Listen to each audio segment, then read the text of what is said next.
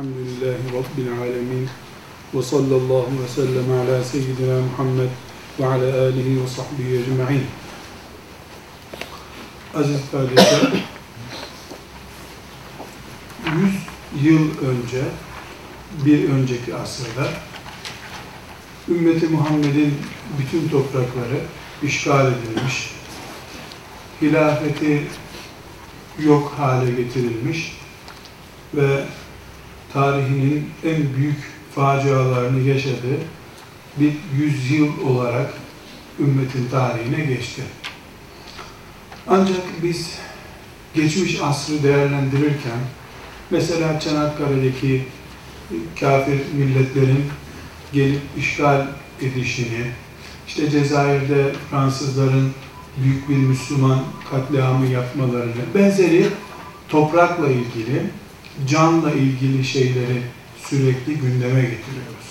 Elhak bu yabana atılacak bir noktada değil. Ee, Mekke ve Medine'nin dışında e, Müslümanların e, can güvenliği olan bir yer ya da e, kafirlerin ordularının işgal etmediği bir yer hemen hemen yok gibi idi. Bu bir doğru vakıa. Ancak e, çok önemli bir nokta daha var. O dönem yani toprakların, ümmetin topraklarının işgal edildiği dönem akidesinin ve imanının da işgal edilmek istendiği dönemdir. Bizim topraklarımız kadar e, akidemize, imanımıza, Müslümanlığımıza da ciddi taarruzlar yapıldı. Bu taarruzlardan en büyük darbeyi Kur'an ve kadın gördü. Kur'an-ı Kerim'i becerip e, insanların istedikleri zaman okuyacakları, istedikleri zaman da okumayacakları serbest bir romana çevirme hamleleri yapıldı. Ciddi bir şekilde Kur'an-ı Kerim zarar gördü. Müslümanların elindeki Kur'an-ı Kerim, levh-i mahfuzdaki ebediyen Allah'ın himayesinde zaten. Kur'an-ı Kerim'in bu büyük saldırı görmesi iki yerde e, sırıttı. Biri Türkiye'de bildiğimiz okunmasının, alfabesinin de yasaklandığı süreçtir. Biri de Mısır'da Kur'an-ı Kerim o şekilde yasaklama, işte okuyana ceza verme gibi bir politika gütmediler. Halbuki Mısır'da da e, o biraz sonra sözünü edeceğimiz politikaların e, izleyicileri ya da tespit edenleri aynı güçlerdiler. E, Mısır'daki politika ise Kur'an-ı Kerim'in içini boşaltma politikasıydı. Mesela tuttu koca koca sarıklı insanlar, ilim ehli diye bilinen insanlar, e, beş kuruş etmez menfaatler için, çok basit şeyler için, oradaki İngiliz e, sömürge valisinin gözüne girmek için akla hayale gelmez iftiralarla Kur'an-ı Kerim'in içini boşalttılar. Mesela hala devam eden e, işte Kur'an-ı Kerim'deki olayların tarihselliği diye bir felsefe icat ettiler. İşte Kur'an-ı Kerim o tarihin kitabıydı. Anlattığı işte e, ibadetlerden cezalara kadar Kur'an'da ne anlatılıyorsa o zamana aitti. Biz başımızın çaresine bakalım. Kur'an gene orada dursun. Tarihsellikle bunu kastediyorlar. Kur'an o tarihin kitabıydı. Şimdi mukaddes kitap. Ne gibi? Tevrat gibi. Tevrat da zamanında muhkemdi. Ee, şimdi işte mukaddes kitap diye duruyor gibi benzetme. Mesela tuttular bütün Müslümanların gözüne baka baka Yusuf suresi Allahu Teala'nın anlattığı bir hikayedir dediler. Kur'an'ı Kur'an'a yalanlatmaya kalktılar. İşte meleklerin, cinlerin, mesela Kur'an'da cin suresi bulunduğu halde e, Ezher'deki koca koca adamlar cinli, cinlerin varlığını inkar etmeye kalktılar. Bunu da Kur'an'la yani yaptıklarını da bir de ilim adına, Kur'an adına, İslam'a hizmet adına gibi e, kılıflara büründüler. Evet. Kur'an-ı Kerim çok büyük zarar gördü. Ama tekrar vurguluyorum, Levh-i Mahfuz'daki Kur'an değil. O dönemde Allah'ın kitabını korumak zorunda olan müminler ellerindeki Allah'ın emanetini koruyamamaktan dolayı büyük zarar gördü. Kur'an'ı kendisi zaten levh-i mahfuzda Allah'ın himayesinde. Kur'an-ı Kerim'in e, bazı topraklarda sözünü ettiğimiz gibi kırbaçla, silahla okunması engellenerek zarar verilmek istendi. Mısır gibi gerekçelerini de izah edeceğiz. Mısır gibi e, ilmin yoğun olduğu yerlerde de içini oymaya çalıştılar Kur'an-ı Kerim. Kur'an en büyük yani topraklarımızın işgalinden, işte Fransızların süngüleriyle öldürülen mümin kardeşlerimizin oluşturduğu o fiziki işkencelerden sonraki en büyük eziyet Kur'an-ı Kerim'e yapıldı. Ee, A bölümünde Kur'an resmen bu kitaba tutmayacaksınız şeklinde baskıya muhatap tutuldu. B bölümünde de Kur'an-ı Kerim'e ait itimadı sarsılmak istendi müminlerin. Bir. İkinci olarak da kadın dünyasını dolayısıyla aileyi çökertme hamleleri yapıldı. Biz bunun sadece kardeşler tesettür bölümüne takılıyoruz sürekli. Yani kafirler kadınlarla uğraşırken sadece başlarını açmaya çalıştılar. Onlara pantolon giydirmeye çalıştılar diye düşünüyoruz. Bu savaşın, şeytanın yaptığı işlerin yüzde biri bile değil. Kadın başını örtse ne olur? Çarşaf giyse ne olur? Kadın olduğunu inkar ediyor. allah Teala'nın ona takdir buyurduğu makamı uygun görmüyor. Ailede asli, asli vazifesi olan e, ailenin iffetini korumak, ailede çocuk doğurmak, çocuk büyütmek, kelime-i tevhid erbabı olmak, asas kadının vazifesi bunlar. Bunu kabul etmedikten sonra kuaföre gitmemek için, kuaför masrafı yapmamak için başını örtse ne olur?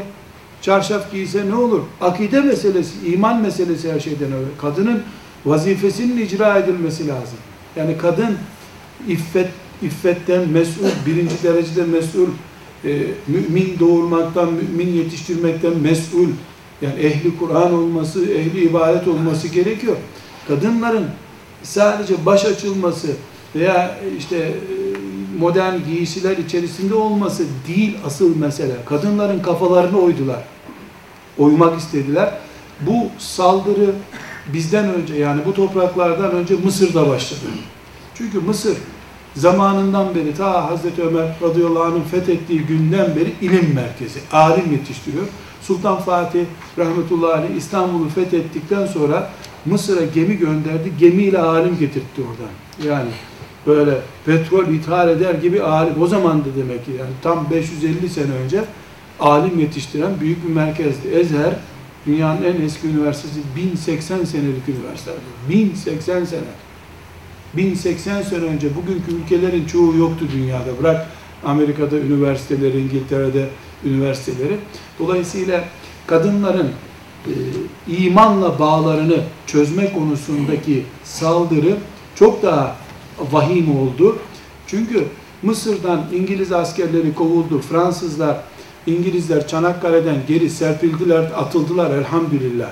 Ama onların kadınların beynine soktuğu fitne, Allah'ın şeriatını beğenmeme, Kur'an-ı Kerim'i bazı ayetlerini beğenip bazılarını beğenmemek gibi beyinlerindeki fitne hala gitmedi. O zaman soktukları işte İslam sizi geri bıraktı. Bu kara çarşafın altında siz kahroluyorsunuz, insan yerine konmuyorsunuz, erkekler sizi köle gibi kullanıyor gibi.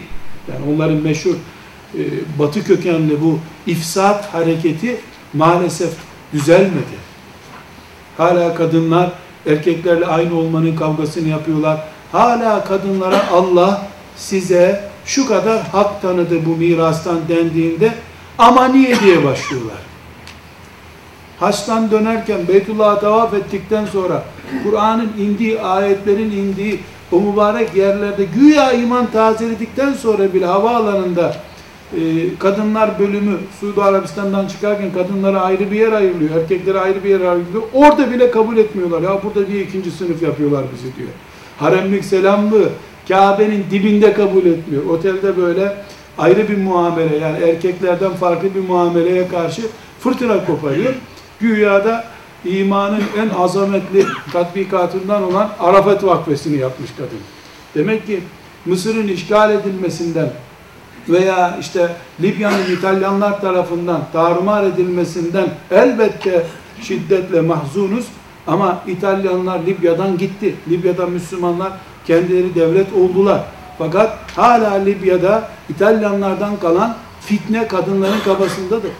Yani erkeklerde nispeten elhamdülillah e, fitne biraz daha çabuk izale edildi.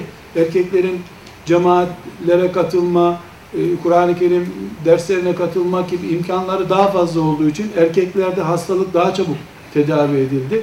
Maalesef kadın neslin gördüğü zayiat yani Mısır'ın işgalinden, Libya'nın işgalinden, Fransızların Cezayir'i kana bulamasından daha basit bir mesele değil. Zaten müminler dinleri için topraklarının sahibi olmak isterler. Eğer mümin insanlar yani erkek veya kadın dinlerinden zarar gördülerse e, ne anlamı var ki e, bizim e, Libya'da yaşamamızda Cor e, veya Cezayir'de yaşamamız arasında çok bir fark yok artık. Yani akidemiz, imanımız, bu tesettürümüz, kafamızdaki e, imani meseleler bunlar canlı kalmalı ki müminler ayakta kalsınlar. Her halükarda e, bir asır önceki küfrün saldırılarında e, en büyük darbeyi Kur'an-ı Kerim gördü. Müminler Kur'an-ı Kerim'le amel etmek gibi bir mefhumu bir kenara bıraktılar. O kadar ki düşününüz eğitim deyince, okumak deyince kim Müslümanın aklına bile Kur'an-ı Kerim gelmiyor da okusun, diploma sahibi olsun, Kur'an'da okusun sonra deniyor. Yani Kur'an bu Kur'an'ın dışlanışının işaretidir. Yani eğitim, öğretim, Kur'an-ı Kerim'le bağlantılı bir konu değil bir defa. Kur'an-ı Kerim yani her Müslümanın e, tatillerde filan öğrenmesi gereken bir kitap düzeyinde görüldü. Halbuki hayat onunla başlamalıydı. İlk kelime-i tevhidle başlayacak müminin imanla bağlantısı hemen arkasından Kur'an-ı Kerim gelmeliydi. Yani Kur'an-ı Kerim müminlerin nezdinde bile hak ettiği o azametli kürsüde değilse bu o darbelerden dolayı. Biz yani filanca e, Mısırlı Ezherli şeyh tuttu dedi ki Yusuf suresindeki kıssa allah Teala'nın müminlere anlattığı bir hikayedir dediler. Hain bu da nereden uydurdu bu lafı deyip geçiştirdik. Bitti zannettik. O mikrop 100 sene sonra geldi Müslümanların Kur'an-ı Kerim'de anlatılan şeyleri yazarın romanı gibi görme hastalığı olarak çıktı karşımıza. Şeytan toprağa atılan bir tohum gibi fikir üretiyor. Bunu Müslümanların kafasına koyuyor.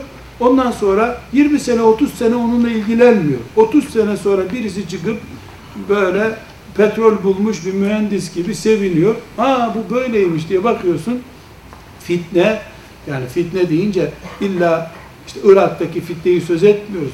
Kafalarımızda da büyük fitneler var. İşte kafalarımızı işgal ettiler. Bu sefer Allah buyuruyor ki deyince e, bir değişiklik veyahut da bu insan sözü değil allah Teala'nın sözüdür gibi gibi bir etkilenme içine bile girmiyoruz. Girilemiyor. Neden? Kur'an-ı Kerim'in azametini gölgeleme hamleleri yapıldı. Büyük saldırılar yapıldı. Bu büyük saldırılardan maalesef büyük izler kaldı. Elhamdülillah yani biraz sonra e, gündeme geleceği gibi Allah Firavunları çıkardığı gibi Musa'larını da gönderdi peşinden. Bir ifsad hareketine karşı hemen ıslah hareketi de gönderdi. Cepheleştirdi kullarını, batılın adamlarını batıla çalıştırdı. Hakkın erlerini de hakkın hizmetine koydu Allahu Teala. İkinci olarak da kadın ciddi bir şekilde darbe gördü. O kadar ki kadının doğurma yeteneği ki hılkatının nedenidir. Hılkatı onun için allah Teala onu yaratmıştır. Doğurma yeteneğine bile tahdit getirildi. Doğurmaktan bile kadın haya etti. Halbuki müşrikler bile insan olup olmadıkları esfeli safiliğinin en alt noktalarında olan müşrikler, Ebu Leheb'ler, Kur'an'ın kıyamete kadar lanet ettiği o insanlar bile çok doğurmakla, çok çocuk sahibi olmakla iftihar ediyorlardı. Yani Kur'an-ı Kerim şu çok çocuğuyla övünenleri bana bırak allah Teala. Onları bir bana bırak. Yani müşriklerin Allah'a karşı bile azze ve celle e, böbürlenecekleri, biz de buradayız diyecekleri şey çok çocuklu olmaları. Yani biz on çocuk doğurmuş bir adamız. Sana mı iman edeceğiz demeye getirdiler. Aleyhissalatü vesselam Efendimiz'e. Şu hale bakıyoruz ki şimdi müşrikler bile doğurmuş olmakla iftihar ediyorlardı. çok çocuk doğuran kadın, soylu, iffetli kabul ediliyordu. Şimdi o noktanın da gerisine kayılmış, kadının en önemli e, yaratılış maksadı olan doğurmak, çocuk yetiştirmek yapacağı başka bir şey yok. Bu yüzden ondan cihat kaldırılmış, bu yüzden ondan cuma cemaat namazları kaldırılmış, bayram namazı farz edilmemiş, bu yüzden çalışma mecburiyetine tayin edilmiş, bu yüzden babasının tarlaları ona kalır da baba ondan meşgul olur diye mirastan ona ağır bir yük verilmemiş. Yani bütün bunlarda önemli hikmetler var ama bakıyoruz ki beyinler o kadar etkilenmiş ki en önemli yaratılış maksadı bile bir kenarda gizlenir olmuş maalesef bu Müslüman veya Müslüman olmayan bütün nesillerin üzerinde büyük bir fırtına gibi geçmiş. Üçüncü olarak da kardeşler İslam'ın yani Kur'an'dan kadından sonra İslam topraklarında kafirlerin saldırıları arasında din taksimatı fitnesi çok kötü olmuş. Yani bir grup e, Müslüman İslam'ın bir halkasını tutuyor, öbür öbür halkasını tutuyor. Bu e, bazen siyasete yansımış. Yani siyaseti İslam dışı olarak, İslam'la ilgisi olmayan bir konu olarak görmüşler. Öbür Müslüman gruba bakıyorsun, e, cihattı, siyasetti diye böyle kabarık gündemli konularla çok ilgileniyor ama sabah namazına kalkmıyor. İbadeti ihmal eden bir grup çıkmış. Halbuki iman ettiği peygamberi aleyhissalatü vesselam Tebuk'te cihattayken sabah namazını kaçırmayan, dönüşte sabah namazı kaçırdığı için endişelenen bir peygamber. Yani cihatla sabah namazı aynı kefede olması lazım. İnfakla aileye yapılan harcama aynı kavramdan türüyor olması lazım. Yani din bir bütün. allah Teala'nın kitabında emrettiği, Peygamberinin aleyhissalatü vesselamın sünnetinde bize tembih ettiği ne varsa, fukahanın din diye e, iki kapak arasında topladıkları ne varsa müminler kıyamete kadar bunları toplu götürmeliydiler. Yani günün birinde bir insan çeşidi çıkıyor. Eli ve kolu yok ama ayağı çok güçlü. Öbür insanın kulakları çalışmıyor ama e, gözleri çok iyi görüyor. Biz buna ne diyoruz? Özürlü diyoruz. Neden? Mükemmel haliyle eli, kolu, bütün organları tam çalışan insan, iyi insan, özürsüz insan Kulağının biri duymuyorsa özürlüsün sen kardeşim. Din de böyle. Cihadıyla, ibadetiyle, teheccüdüyle, zikriyle, Kur'an'ıyla, sünnetiyle, fukahasıyla bir bütün bu. Bu bütünden bir parçayı kopardın mı özürlü dindir o. Allah katında kemale erdirilmiş, son noktası konmuş bir dindir. Sen onun bütününü almıyorsun. Paketin açıyorsun, içinden beğendikleri alıyorsun. Yahudiler de böyle yaptılar. Sonunda Allah da dinlerini nesketti onları. Hristiyanlar da beğendiklerini aldılar, beğenmediklerini almadılar. Ashab-ı kiramın özelliği neydi? Ee, Resulullah sallallahu aleyhi ve sellem Efendimiz'i analarından, babalarından çok sevdiklerine Kur'an şahitlik etti. Hiç bunun tartışılacak bir tarafı yok. O kadar çılgınca sevdikleri peygamberlerinin aleyhissalatü vesselam naaşını bıraktılar Beni Saad sakifesine gidip orada önce ümmetin lideri kim olacak diye onu konuştular. Öğleye kadar o işi hallettiler. Geldiler Hazreti Ali'ye yıka şimdi mübarek cenazeyi namaz kılalım dediler. E demek ki bu o sevgiyle siyaset, cihat, ibadet hepsini bir arada tuttular. Bu din böyle başladı. E bir zaman sonra bakıyoruz ki kafirler siyasetten anlayan hocayı e, belalı hoca olarak attılar. Öbür tarafta bakıyorsun bilhassa Afrika'da bu taksimat çok kötü bir şekilde yapıldı. Bu tarikatçı, at bunu dinden diye büyük bir hücum yaptırdılar.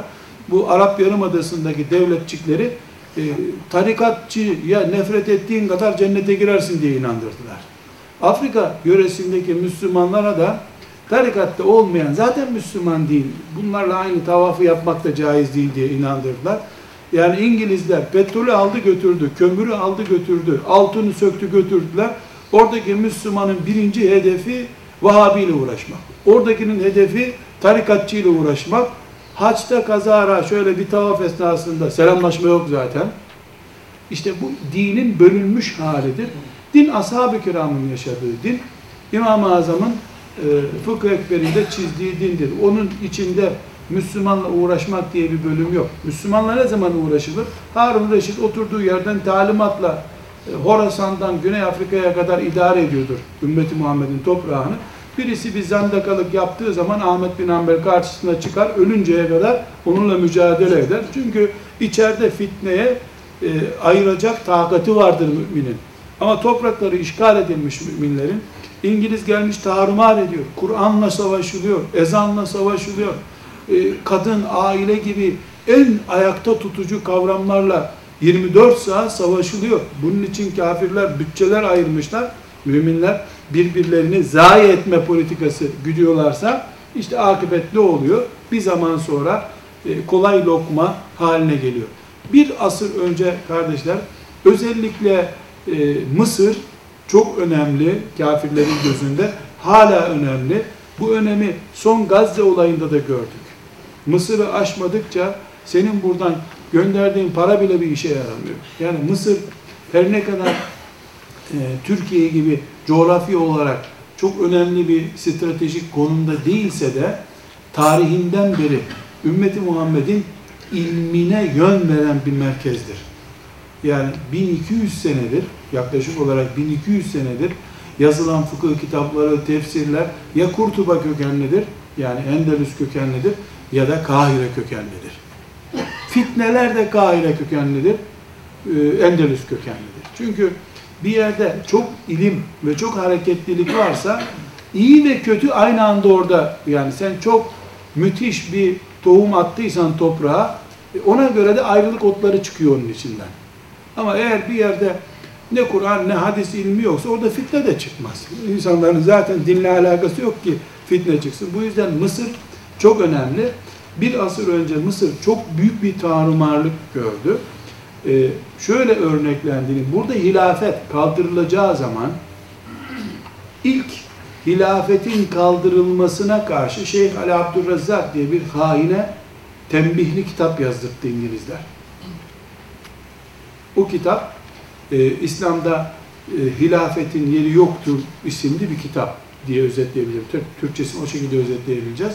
Bu kitabı İngilizler günlerce Mısır'da, Kahire'den bedava gökten e, broşür olarak attılar. Kahire sokakları bu kitapla doldu. Bastırdılar onu istedikleri kadar. Lübnan'da dağıttılar. E, yani buralara ulaştırdılar. Mesela Türkiye Büyük Millet Meclisi'nde baştan sona okunmuş bir kitaptır o. Yaptığımız iş yanlış değil. Bizim ezer alimleri bakın fetva veriyor bu işe diye.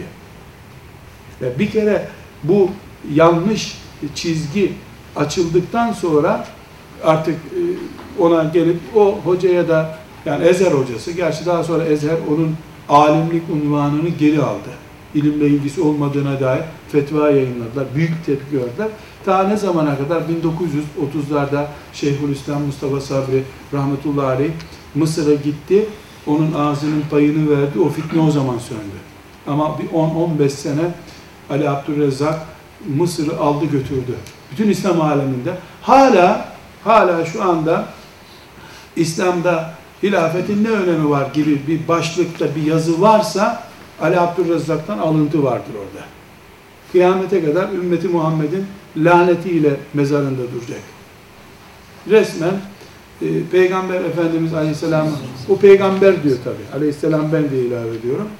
Tırnak kesmeyi öğretmeye vakit buldu da niye siyasetle ilgili ilkelere vakit bulmadı? Demek gereği yok bunun diyor. E, niye Ebu Bekir halife olarak seçildi radıyallahu anh diye sorulduğunda da cevap olarak diyor birbirini yememek için diyor bir tane öne attılar diyor.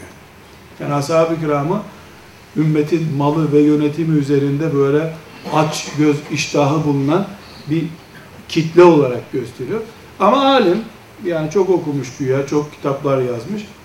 E, Allah'tan hak ettiğini bulsun diye dua ederiz. Bir şey diyemeyiz tabii. Ölmüş gitmiş yani. 70 senelik ölmüş birisi.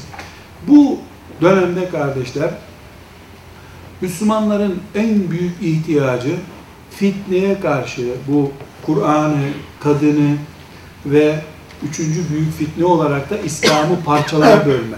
Tarikatına, mezhebine, e, ondan sonra işte siyasetçi veya siyasetle ilgili olmayan böyle ayrıntılara ayırma hamlesine karşı Müslümanlar büyük bir lider ihtiyacı hissettiler. Başıboşluk içerisinde kaldılar. Allah Teala e, böyle onlarca, yüzlerce büyük insan göndermedi. Hiçbir zamandan göndermiyor zaten. Yani böyle mürşit olacak, e, ipi göğüsleyecek ve ümmeti dalaletten söküp götürecek yüzlerce insan olmadı. Olsa e, onlar mürşit, önder olmazlar zaten. Nadiren her yüzyılda bir kişi gönderiyor Allah. Zaten hadis-i şerifte buna işaretler ediyor. Yüzyılda bir kişi gönderiyor. 200 yıl sonra biraz daha farklısını gönderiyor. Bakıyorsun ki bir kişi gönderiyor Allah. O bir kişi bin kişilik takat gösteriyor. 2000-3000 Müslümanın yapamadığını yapıyor. Bazen de büyük alimler göndermiyor. Ortadan bir vatandaşı Allah Teala siviltiyor bir sebeple, kaldırıyor ayağa, bir edebiyat öğretmeni, kalkıyor bu dine hizmet edelim diye bir hamle başlatıyor. Alimler etrafında toplanıyorlar. Yani her dönemde Allah'ın yarattığı Firavunlar, Nemrutlar, Karunlar var. Karşısında da Musa'ları, Harunları var Allah Teala'nın. Kıyamete kadar bu hak ve batıl kavgası böyle devam edecek. Batıl içi boş bir mekanizma olduğu için 40 tane 50 tanesi birden saldırır. Lakin e, ümmeti Muhammed hak ve bereket üzerinde elhamdülillah bulunduğu için bir kişi çıkar o 40 kişilik güruhu tarihe gömer gider. Hep böyle olmuştur. Selahaddin Eyyubi bir kişi olarak çıktı. Sultan Fatih böyle binlercesinin arasından seçimde kazanarak iktidara gelmiş birisi değil. Bir delikanlı çıktı. Bir daha onun çocuklarından bile emsali bulunmadı üstelik. Öyle bir garip oldu ki. Yani çocukları bile onun gibi olamadılar.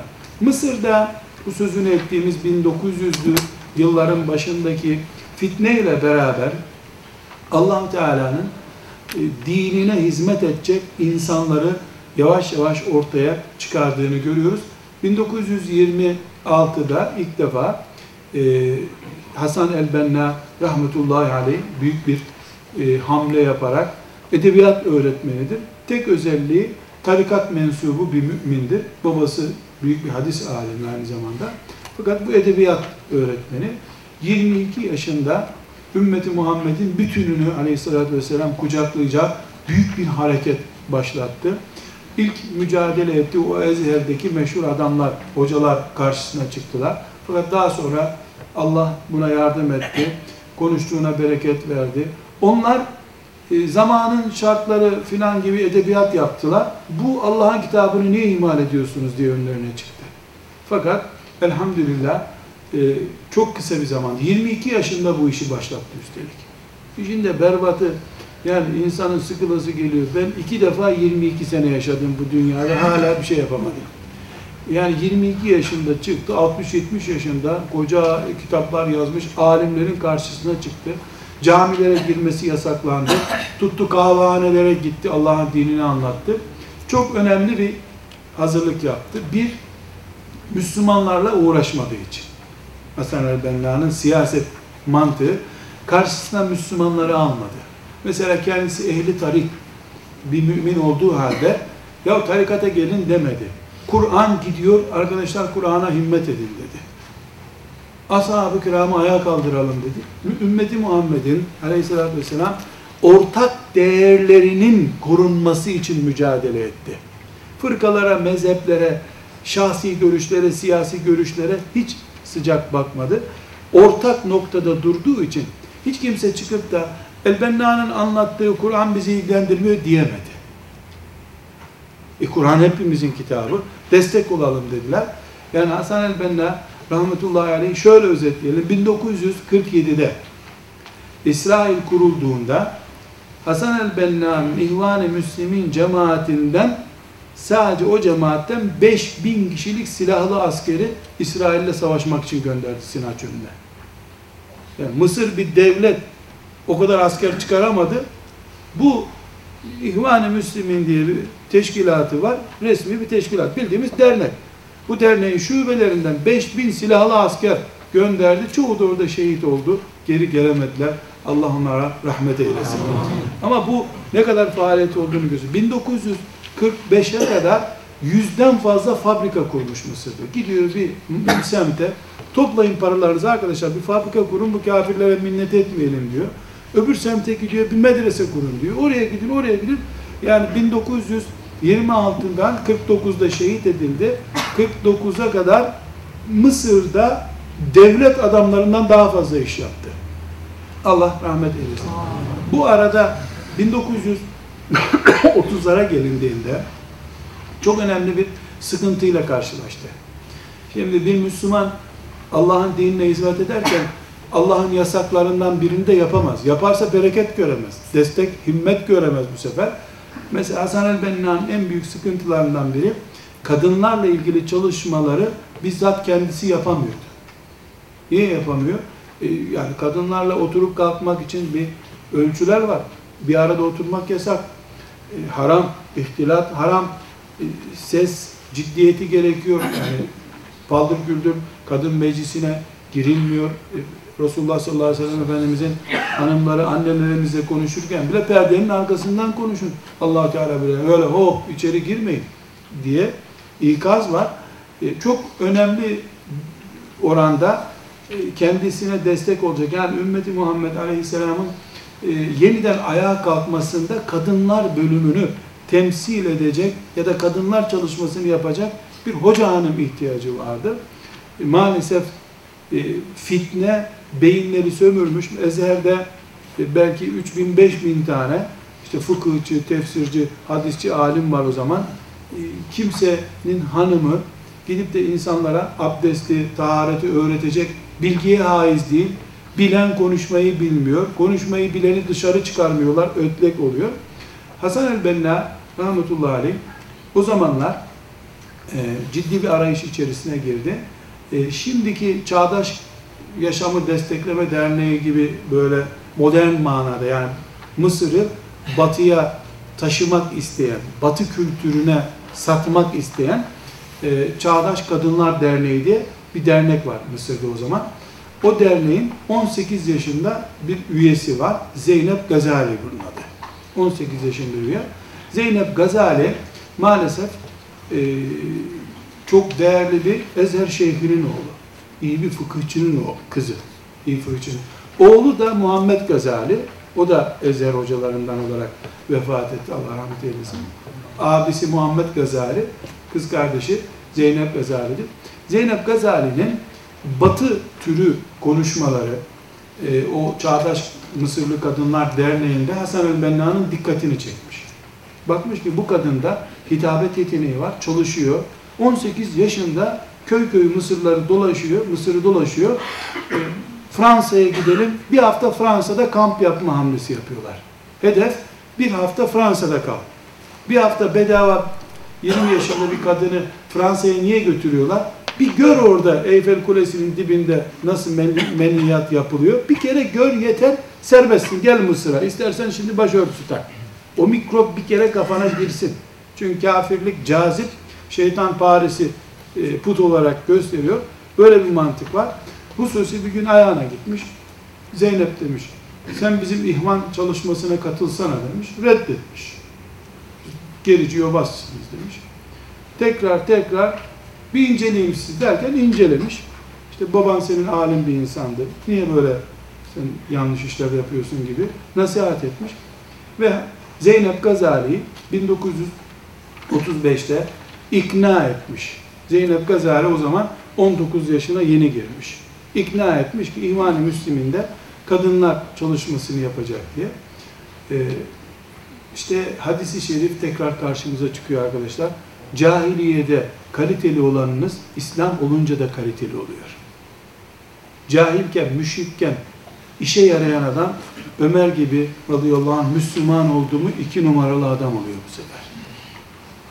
Ama e, cahiliye döneminde deve gütmekten başka bir şey anlamayan geliyor Müslümanların devesini bekliyor bu sefer. Bir şey gene değişmiyor. Yani kafa kafa ve selam.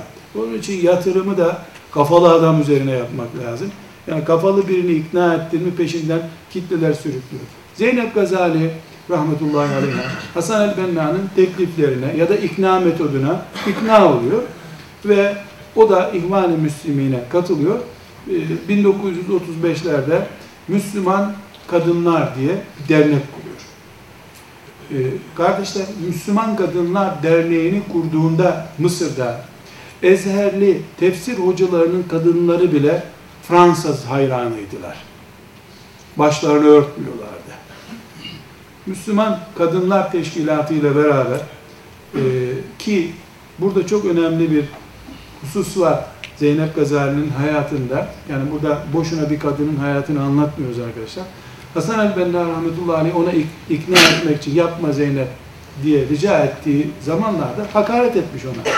Gerici, beni gericiliğe çağırıyorsun demiş derken bir seferinde evinde yemek pişirirken tüp patlıyor ya da gaz ocağı neyse patlıyor ve yanıyor Zeynep Gazali. Bunu doktor hastanelere götürüyorlar. Doktorlar bu iyileşmez, ölecek bekleyin. Derisi, yüzü her şeyi yanmış. Yanıyor.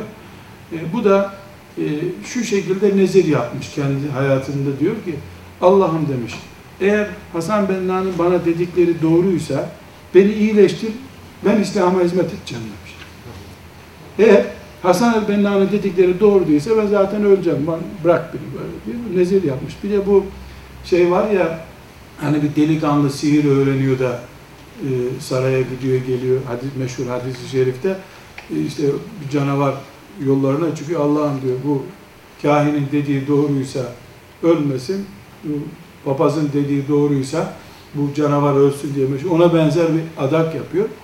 İşte e, abisi Muhammed Gazali doktorla görüşüyor. E, doktor diyor ki yani siz hazırlıklarınızı yapın bu üç güne çıkmaz diyor.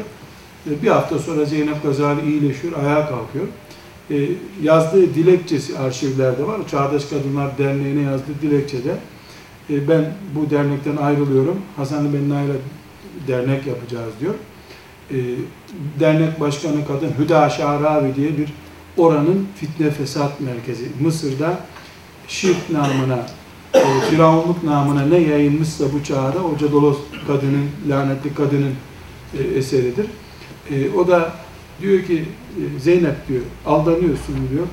Aldanayım veya aldanmayayım sözleşme çok büyük yerde oldu diyor. Ben bu sözü verdim bir defa diyor. E, bakıyoruz ki arkadaşlar bazı afetler, musibetler, işte yanan kadın çok büyük facia olarak geliyor. E, ne kadar insanın hidayete erdiğini hiç kimse bilmiyor Zeynep Gazali'nin elinden. Milyonlarca insan. Mesela sadece Pakistan'da Ziyaül Hakk'ın ayağına gitmiş, şeriat tatbikine geçsene demiş. Ziyaül Hak da rahmetullahi aleyh şeriat devleti projesini ilan etti. Üç ay sonra da uçaktan parçalanarak düşürüldü biliyorsunuz. Yani tek bir projesini konuşalım. Pakistan'a kadar gitmiş şeriat devleti kurulsun diye. Suudi Arabistan'a 42 defa kralla görüşmeye gitmiş. Ee, kadınların özellikle medreselerde İslam eğitim görmeleri için proje götürmüş. Yani bu kadın böyle bir faciayla, evindeki bir yangınla e, hidayete eriyor. O adağı gerçekten benim çok dikkatimi çekti. Rahmetullahi aleyha. E, yani Allah'ım eğer Hasan el-Benna'nın dedikleri doğruysa beni iyileştir diyor. Dinine hizmet edeceğim diyor. Ve hakikaten adağını yerine getiriyor. Ve İslam'a hizmete kendisini alıyor. 53 sene 88 yaşında vefat etti 2005 yılında. 53 sene Mısır'ı ve bütün dünyayı karış karış dolaşmış. Ve gittiği yerlerde taktik aynı taktik. Müminlerin ihtilaflı meseleleriyle ilgilenmek yok. Senin tarikatın, senin mezhebin öyle bir şey yok. E, namaz kıl, Kur'an-ı Kerim oku, ibadet et, kafirleri sevme sakın. Temel prensipler. Müminin muhakkak ikrar etmesi gereken prensipler. Mısır bugün e, hala başörtüsü e, ihya edilen, tesettürü ihya edilen, içkinin bakkallarda satılması yasak olan bir yerse Mısır, bütün bu mevcut melanetlere rağmen bu ne sayesinde allah Teala'nın kimleri bu hizmete vesile kıldığını konuştuğumuz bir gündemdeyiz şimdi. Allah onlardan razı olsun. Özellikle Mısır'da etkileri çok büyük. Eğer Fransızlar Cezayir'de 150 seneye yakın bir zaman kaldılar farklı metotlarla. Arkadaşlar Cezayir'de Arapça yabancı dildir. Ana dil Fransızcadır. Bu sadece burada Cezayir'de neler olduğunu anlayacağımız en basit örnek bu. Bugün Cezayir'de Müslümanlar eğer ciddi bir şekilde İslam'ı yaşamak, Kur'an'a dönmek, şirkten uzaklaşmak, ibadet etmek istiyorlarsa Zeynep Gazali 320 defa konferansa gitmiş Cezayirli kadınlara. 1935'ten 2005'e kadar hapishanelerde kaldığı yıllar hariç ömrünün tamamını Allah'a vakfetmiş.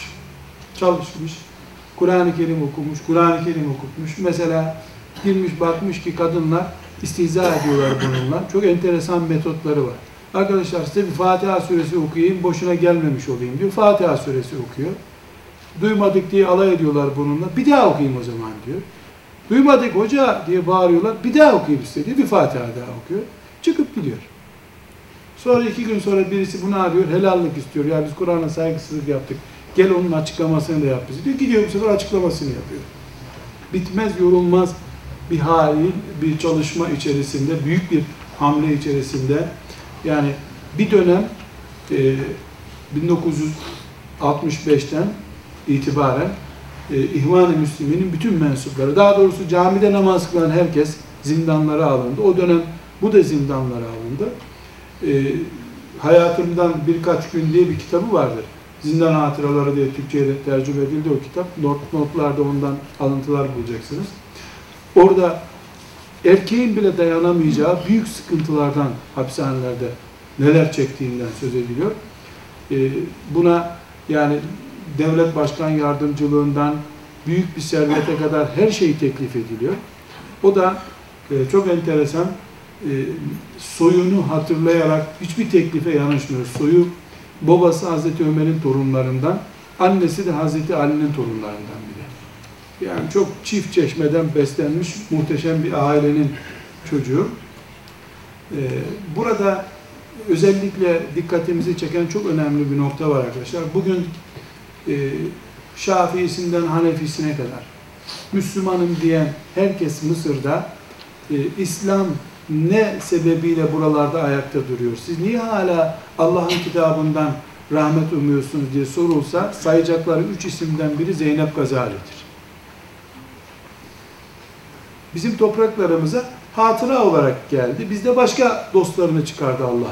Başka müminler çıktı. Garip diyarın islahını yaptılar.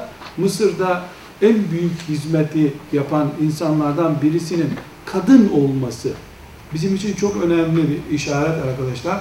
Demek ki Allah dinine hizmet için erkek kadın ayırmıyor. Bir kadın çıkarıyor. O kadın önce batılı bir mantıkla hayata başlamış.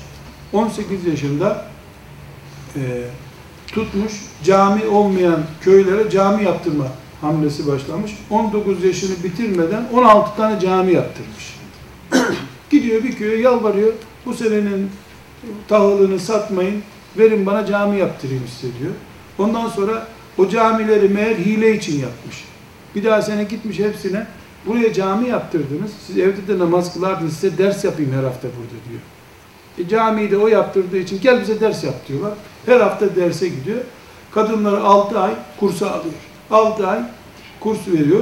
Ondan sonra onlara belge veriyor, eliyle yazıyor bir belge, bir şeyler veriyor. Sen git şimdi diyor, kadınlara öğret diyor. Ee, çok enteresan bir şekilde bir kadın başına e, yüzlerce erkeğin yapacağı, yapması gereken işi yapıyor. Allah ondan razı olsun. Dinine hizmet ediyor. Burada bize hepimize önemli bir ders çıkıyor tabi. Bilhassa kadınlara çok önemli bir ders çıkıyor. Ama erkeklere de şu mini bir ders çıkıyor. E, Allah'ın şeriatına hizmet etmekte kadın erkek ayrımı yok. Çocuk bocuk ayrımı yok. Yapamadıktan sonra 80 yaşında da yapamazsın. Becerebildikten sonra 10 yaşında da gidip Resulullah sallallahu aleyhi ve sellem en büyük hizmetleri yaparsın. Enes İbni Malik olursun. İş becerme işi. Bu Zeynep Gazali'de e, bunu alenen görüyoruz. Erkekler olarak bize bu ders çıkıyor. Kadınlar da e, şunu zannetmemeliler. Yani ashab-ı kiramın kadınları Cebrail aleyhisselamın girdiği çıktığı yerler değiller. Çok işler becerdiler. E biz bu kötü diyarda ne yapacağız? Değil kardeşim. Önce İngiliz mantığıyla hayata başlamış bir kadın, koca 60 milyonluk Mısır'da İslam'ı ayağa kaldıran üç kişiden birisi. Bu da kadın. Bu da kadın.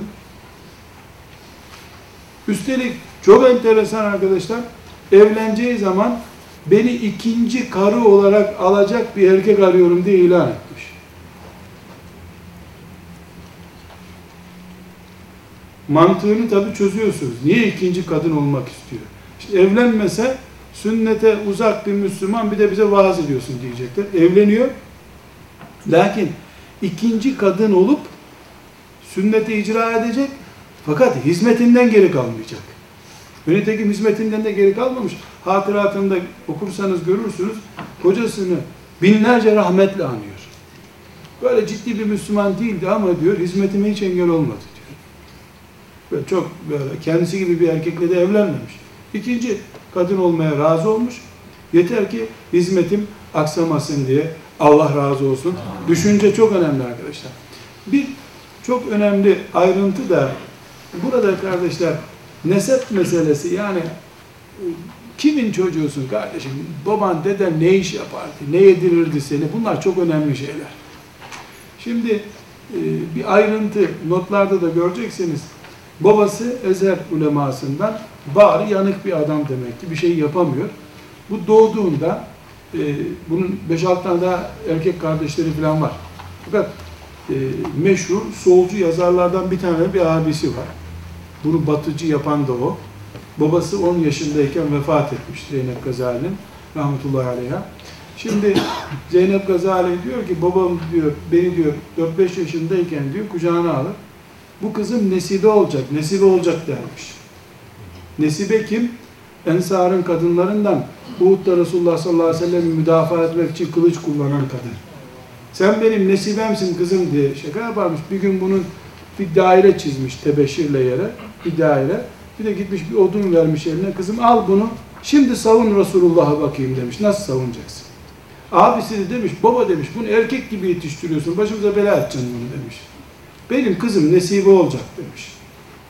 Yani adını Zeynep koymuş ama nesibe olmasını istiyor. İşte o da bu böyle çocuklar kılıç oynar ya öyle kılıç oynuyor. E dur bakalım diyor. Duruyor. Kaç kafir öldürdün diyor. İki kafir öldürdüm diyor. Yetmez yetmez kafir çok devam et kızım diyor. Şimdi 5 yaşında çocuğu e, baba neyle yetiştiriyor? O baba 18 yaşına kadar o kızdan hayır görmedi. Ama 18 yaşından sonra niyeti salih olduğu için babanın. Yani nasıl Uhud'da Resulullah sallallahu aleyhi ve sellem'e bir kadın can miraç savundu da Efendimiz sallallahu aleyhi ve sellem döndüğünde ne buyurdu Uhud'da? Ya nereye dönsem nesibeyi orada görüyordum diyor. Nitekim Müseylemetül Kezzab La'ini öldürmek için Yemen'e kadar gitti sonra. Mücahide bir kadın.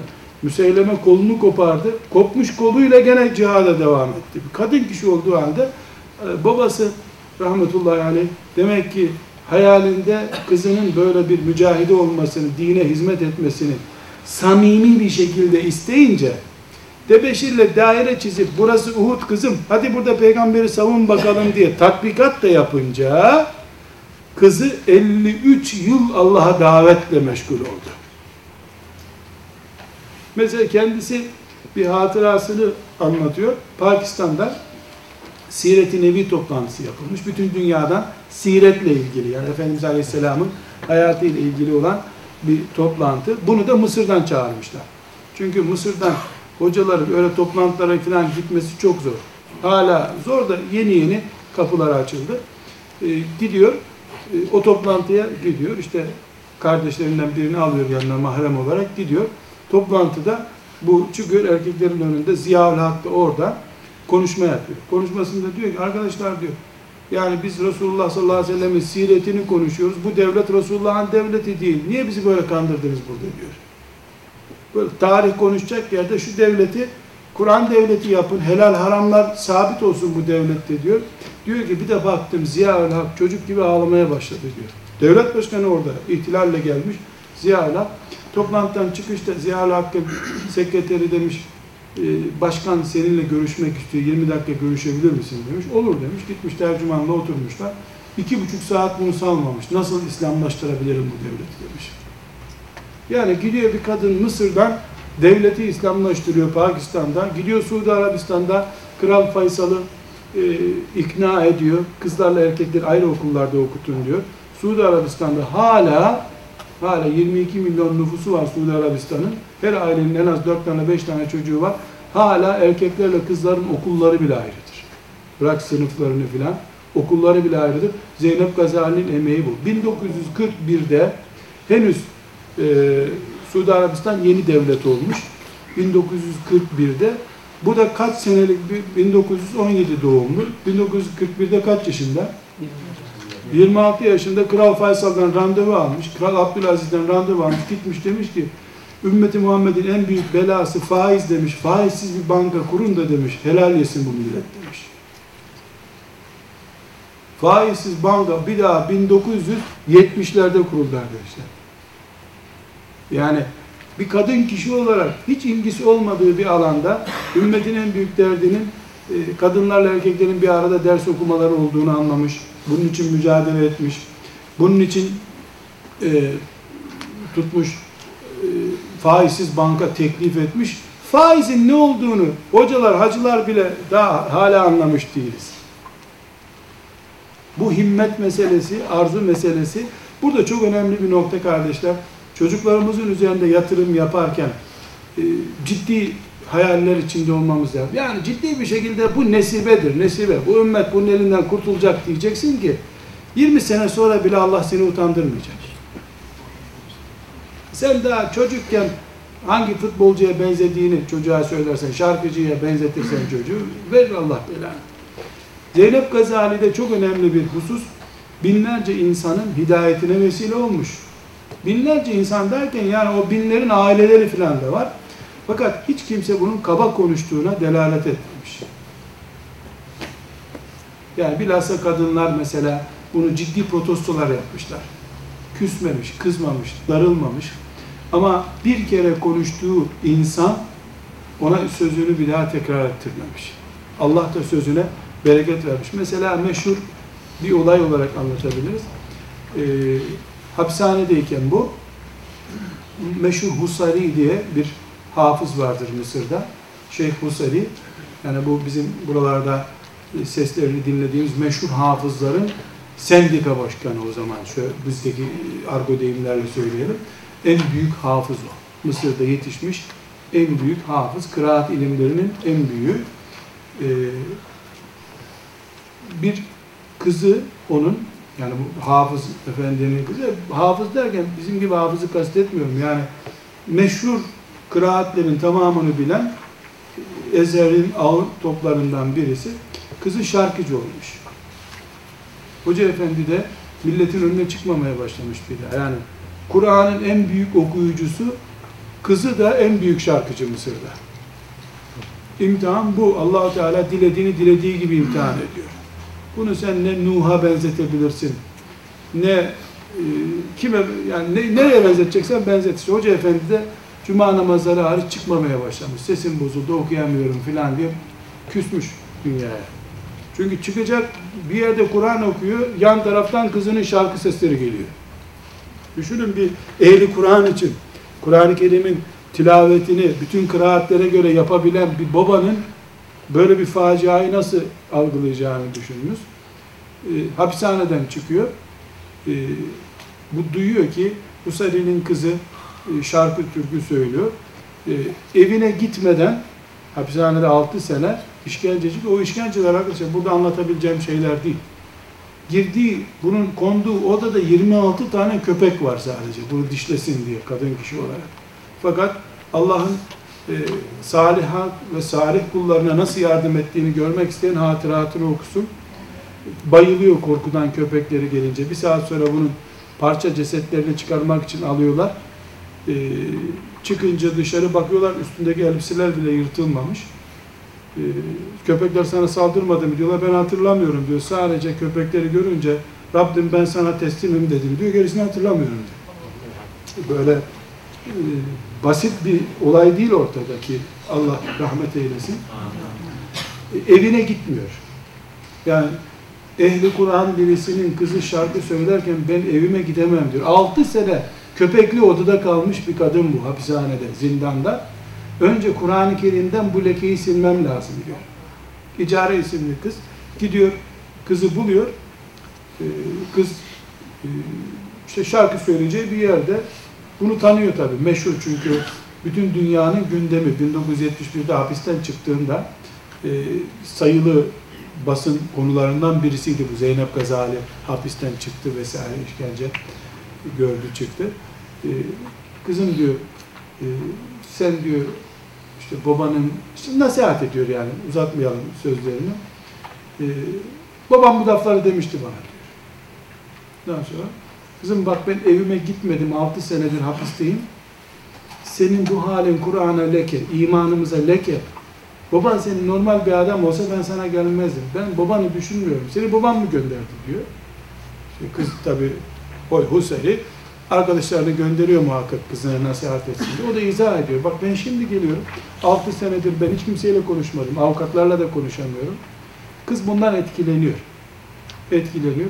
Tamam diyor daha kalabalık sahnelere çıkmayacağım. Şu bu derken 1900 e, arkadaşlar 80'lerde yani onun ilgilenmesinden tam 10 sene sonra Mısır'da tövbe eden şarkıcılar diye bir kervan başladı. Mısırlıların sesi çok güzeldir. Kur'an okuyanı da çok, melanet şarkıcısı da çoktur. Tövbe eden şarkıcıların tamamının başında Hüseyin'in kızı var. Bu kervanı o başlatmış. Ona Gazali'nin, Zeynep Gazali'nin rahmetullahi aleyha yaptığı konuşmaları, anlattığı şarkıcıların hepsi tövbe etmişler. Bu sefer Mısır devleti ihvan sanatı engelliyor diye ihvanın önde gelenlerini hapse attırdı. Sanatı engelliyor diye. Fakat burada bizim tabi önemli görüp de gündeme çıkarmak istediğim şey yani şu anlayışına bakınız. 6 sene evinden ayrılmış evli bir kadın zindanda ölümcül sahneler yaşamış. Arabayla bunu alıyorlar. Evine götürecekler. Evinden önce Kur'an'dan bu lekeyi silelim diye bir kadına rica etmeye gidiyor. Bir şarkıcıya rica etmeye gidiyor. Şarkıcı bunu takmıyor tabi. Ama onda ihlas bulunduğu için Allahu Teala o şarkıcıyla beraber onlarca şarkıcıyı da hidayete çekiyor. Burada kardeşler hepimiz kendimize ders çıkaracağız. Mesele kadın meselesi, erkek meselesi değil, iman meselesidir. E işte Allah'ın bir kulu iman etti, imanının hakkını verdi, Allah sözüne bereket verdi, kalemine bereket verdi. Mesela e, bu kadıncağızın hayatında çarpıcı şeylerden biri günde 10 saat okuma yaparmış. Tefsir okurmuş 10 saat. 10 saat tefsir okur, yorulunca fıkıh okur. Böyle enteresan bir tip. Bu ne zaman konuşur, ne zaman okur, ne zaman dinlenir. Mesela kocasının hizmetini yapar. Hatıratında diyor, ben hiç ihmal etmem kocamın hizmetini diyor. Allah'ın emri o diyor. Ne zaman vakit bulur, ne zaman ütü yapar, ne zaman çay içmeye gider. Mesele kadınlık, erkeklik meselesi değil, mesele imkan meselesi değil. İhlaslı olursun, Allah da vaktine bereket verir, eline bereket verir, diline bereket verir.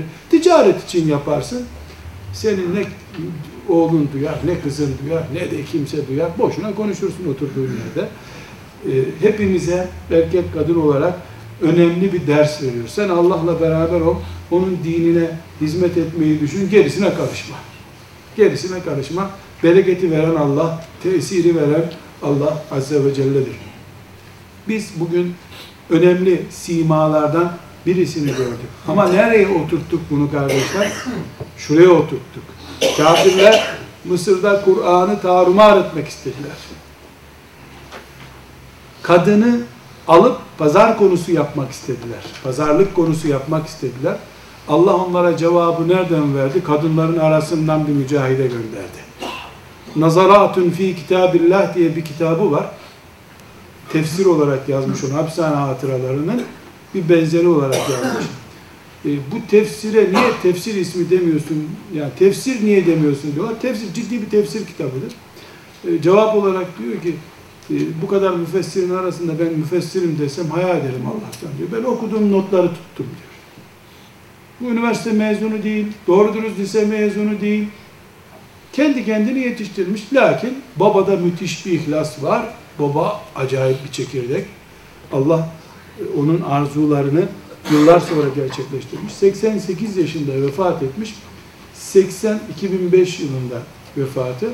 2005 yılının Ocak ayına kadar davet çalışmalarına devam etmiş. Konuşurken kekeliyor, ayet okumaya başlayınca düzeliyor lisan, ayet okuyor bu sefer. Konuşmasında yuvarlamaya başlamış cümleleri. E, nutkum tutuldu gençler, size Kur'an okuyayım diye Kur'an okuyor bu sefer. Kur'an'ı o biçim okuyor. Mesele kardeşler, Allah için yola çıkmak meselesi. İşte elhamdülillah bugün e, Kur'an-ı Kerim'e bakıyoruz biz. Allah e, iyi kullarından söz ederken mümin e, mümin erkekler, mümin kadınlar, saliha erkekler, sa- salih erkekler, saliha kadınlar, e, huşu içindeki erkekler, huşu içindeki kadınlar diye kadınlara özel fasıl bab ayırıyor Allah Teala. Demek ki gün gelecek kadınlardan bir tanesi çıkıp 14 asır sonra o zamanın nesibesi olabilecek. Oldu da nitekim.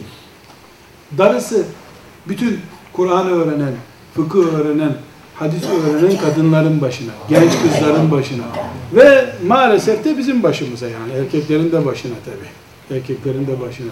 Vay gördün mü kadınlardan neler çıkıyormuş demeye de utanmak lazım biraz. Utanmak lazım. Yani kadınlardan çıkıyormuş da erkekten çıkınca e, mikroplu mu? Erkekten de çıksın. Her halükarda sen dinine hizmet et, kapıcı ol. E, dininin mescit temizle. Yani bu kadın on binlerce insanın hidayetine vesile oldu. Zenci bir kadın da geldi aleyhissalatü vesselam Efendimiz'e ne dedi? Benim yapacak hiçbir şeyim yok ya Resulallah. Şu mescidi temizleyeyim bari dedi. Sen de mescit temizle. Mescit temizle. Hiçbir şey yapamazsan caminin avlusunu temizle. Sonra bir gün öldün mü o kadının cenazesini niye bana göstermediniz diye Efendimiz Aleyhisselam hasret etsin seni. Götürün beni mezarına namazını kılayım onun buyursun. Ne işi var e, allah Teala'nın son peygamberinin çölde gömülmüş bir kadının mezarını arıyor. Niye? O çünkü onun mescidine tazim etti. O da onun kabrini aradı üzerinde namaz kılmak için. İnne salateke sekenun lehum çünkü. Mescit temizleyen kadının naaşının başında Peygamber aleyhisselam durur. Seken olsun, rahmet olsun ona diye. Mesele Allah'ın dinine hizmet etmek meselesidir. Sen daireni, dükkanını, ticaretini öne atarsın. Allah da senin anlayışını geriye atar. Sen tutarsın, kadın halinle, kan ayaklı halinle çıkar Allah'ın dinine hizmet edersin. Allah da seni kıyamete kadar ebedileştirir.